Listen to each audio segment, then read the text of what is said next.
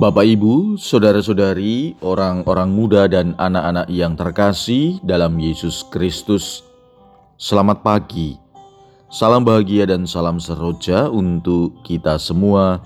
Berkah dalam bersama dengan saya, Romantonius Garbito Pamboaji, menyampaikan salam dan berkat Allah yang Maha Kuasa dalam nama Bapa dan Putra dan Roh Kudus. Amin.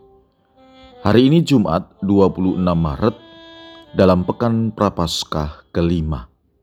Bacaan pertama dalam liturgi hari ini diambil dari kitab Yeremia bab 20 ayat 10 sampai dengan 15. Bacaan Injil diambil dari Injil Yohanes bab 10 ayat 31 sampai dengan 42.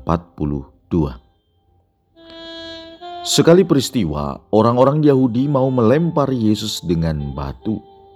Tetapi kata Yesus kepada mereka, "Banyak pekerjaan baik yang berasal dari Bapakku kuperlihatkan kepadamu. Manakah di antaranya yang menyebabkan kamu mau melempari aku dengan batu?" Jawab orang-orang Yahudi itu, "Bukan karena satu pekerjaan baik maka kami mau melempari engkau, melainkan karena engkau menghujat Allah, dan karena engkau menyamakan dirimu dengan Allah, meskipun engkau hanya seorang manusia."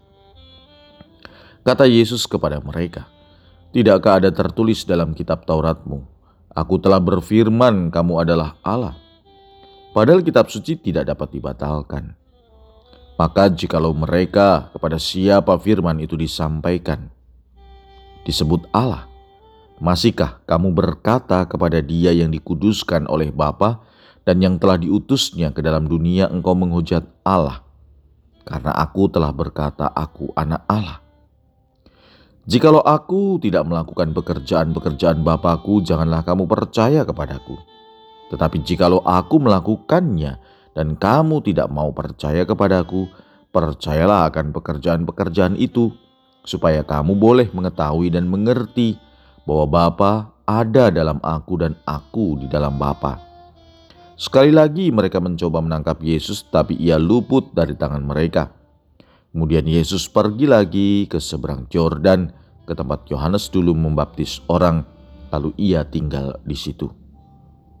Banyak orang datang kepadanya dan berkata, Yohanes memang tidak membuat satu tanda pun, tetapi semua yang pernah dikatakan Yohanes tentang orang ini adalah benar, dan banyak orang di situ percaya kepadanya.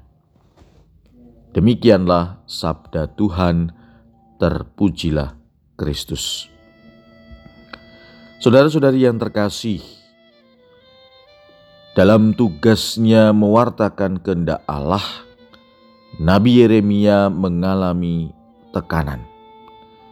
Apa yang dulu dirasakan sebagai kebanggaan, yakni bahwa ia dipanggil Allah untuk mencintai firman-Nya, kini menjadi olok-olokan tiada henti. Dalam pengakuannya yang amat pahit, sang nabi menyampaikan keluhan dalam bentuk doa kepada Allah yang memilih dan mengutusnya mewartakan sabda Allah. Teman-teman dekatnya pun nampaknya ikut menyudutkannya. Namun dengan penuh keyakinan sang nabi masih mau berjuang agar sabda Tuhan tetap terkumandang sepenuh kekuatannya. Nabi yakin bahwa Allah tetap sebagai pejuang dan firman-Nya tetap merupakan kekuatan. Di sinilah Nabi mau menunjukkan kepada teman-temannya bahwa Allah memihak kaum lemah dan miskin. Allah tetap menolong dan menyelamatkan.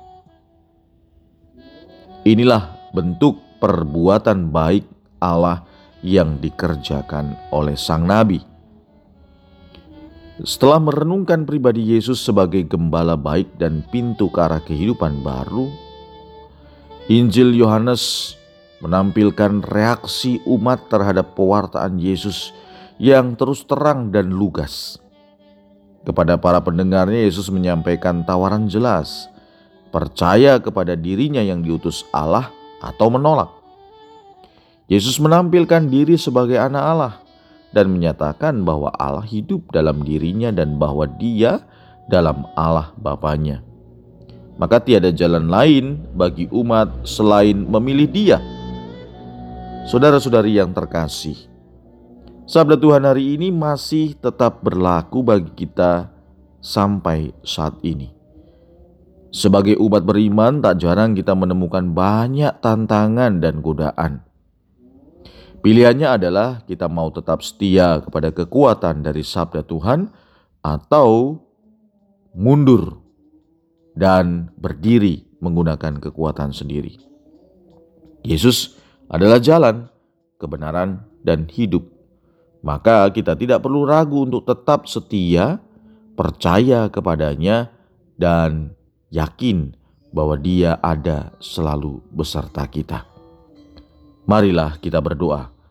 Bapa yang penuh kasih, kami bersyukur akan sabdamu hari demi hari menguatkan kami Semoga kami semakin percaya dan yakin bahwa Engkau menolong dan menyelamatkan. Berkat Allah yang Maha Kuasa dalam nama Bapa dan Putra dan Roh Kudus. Amin.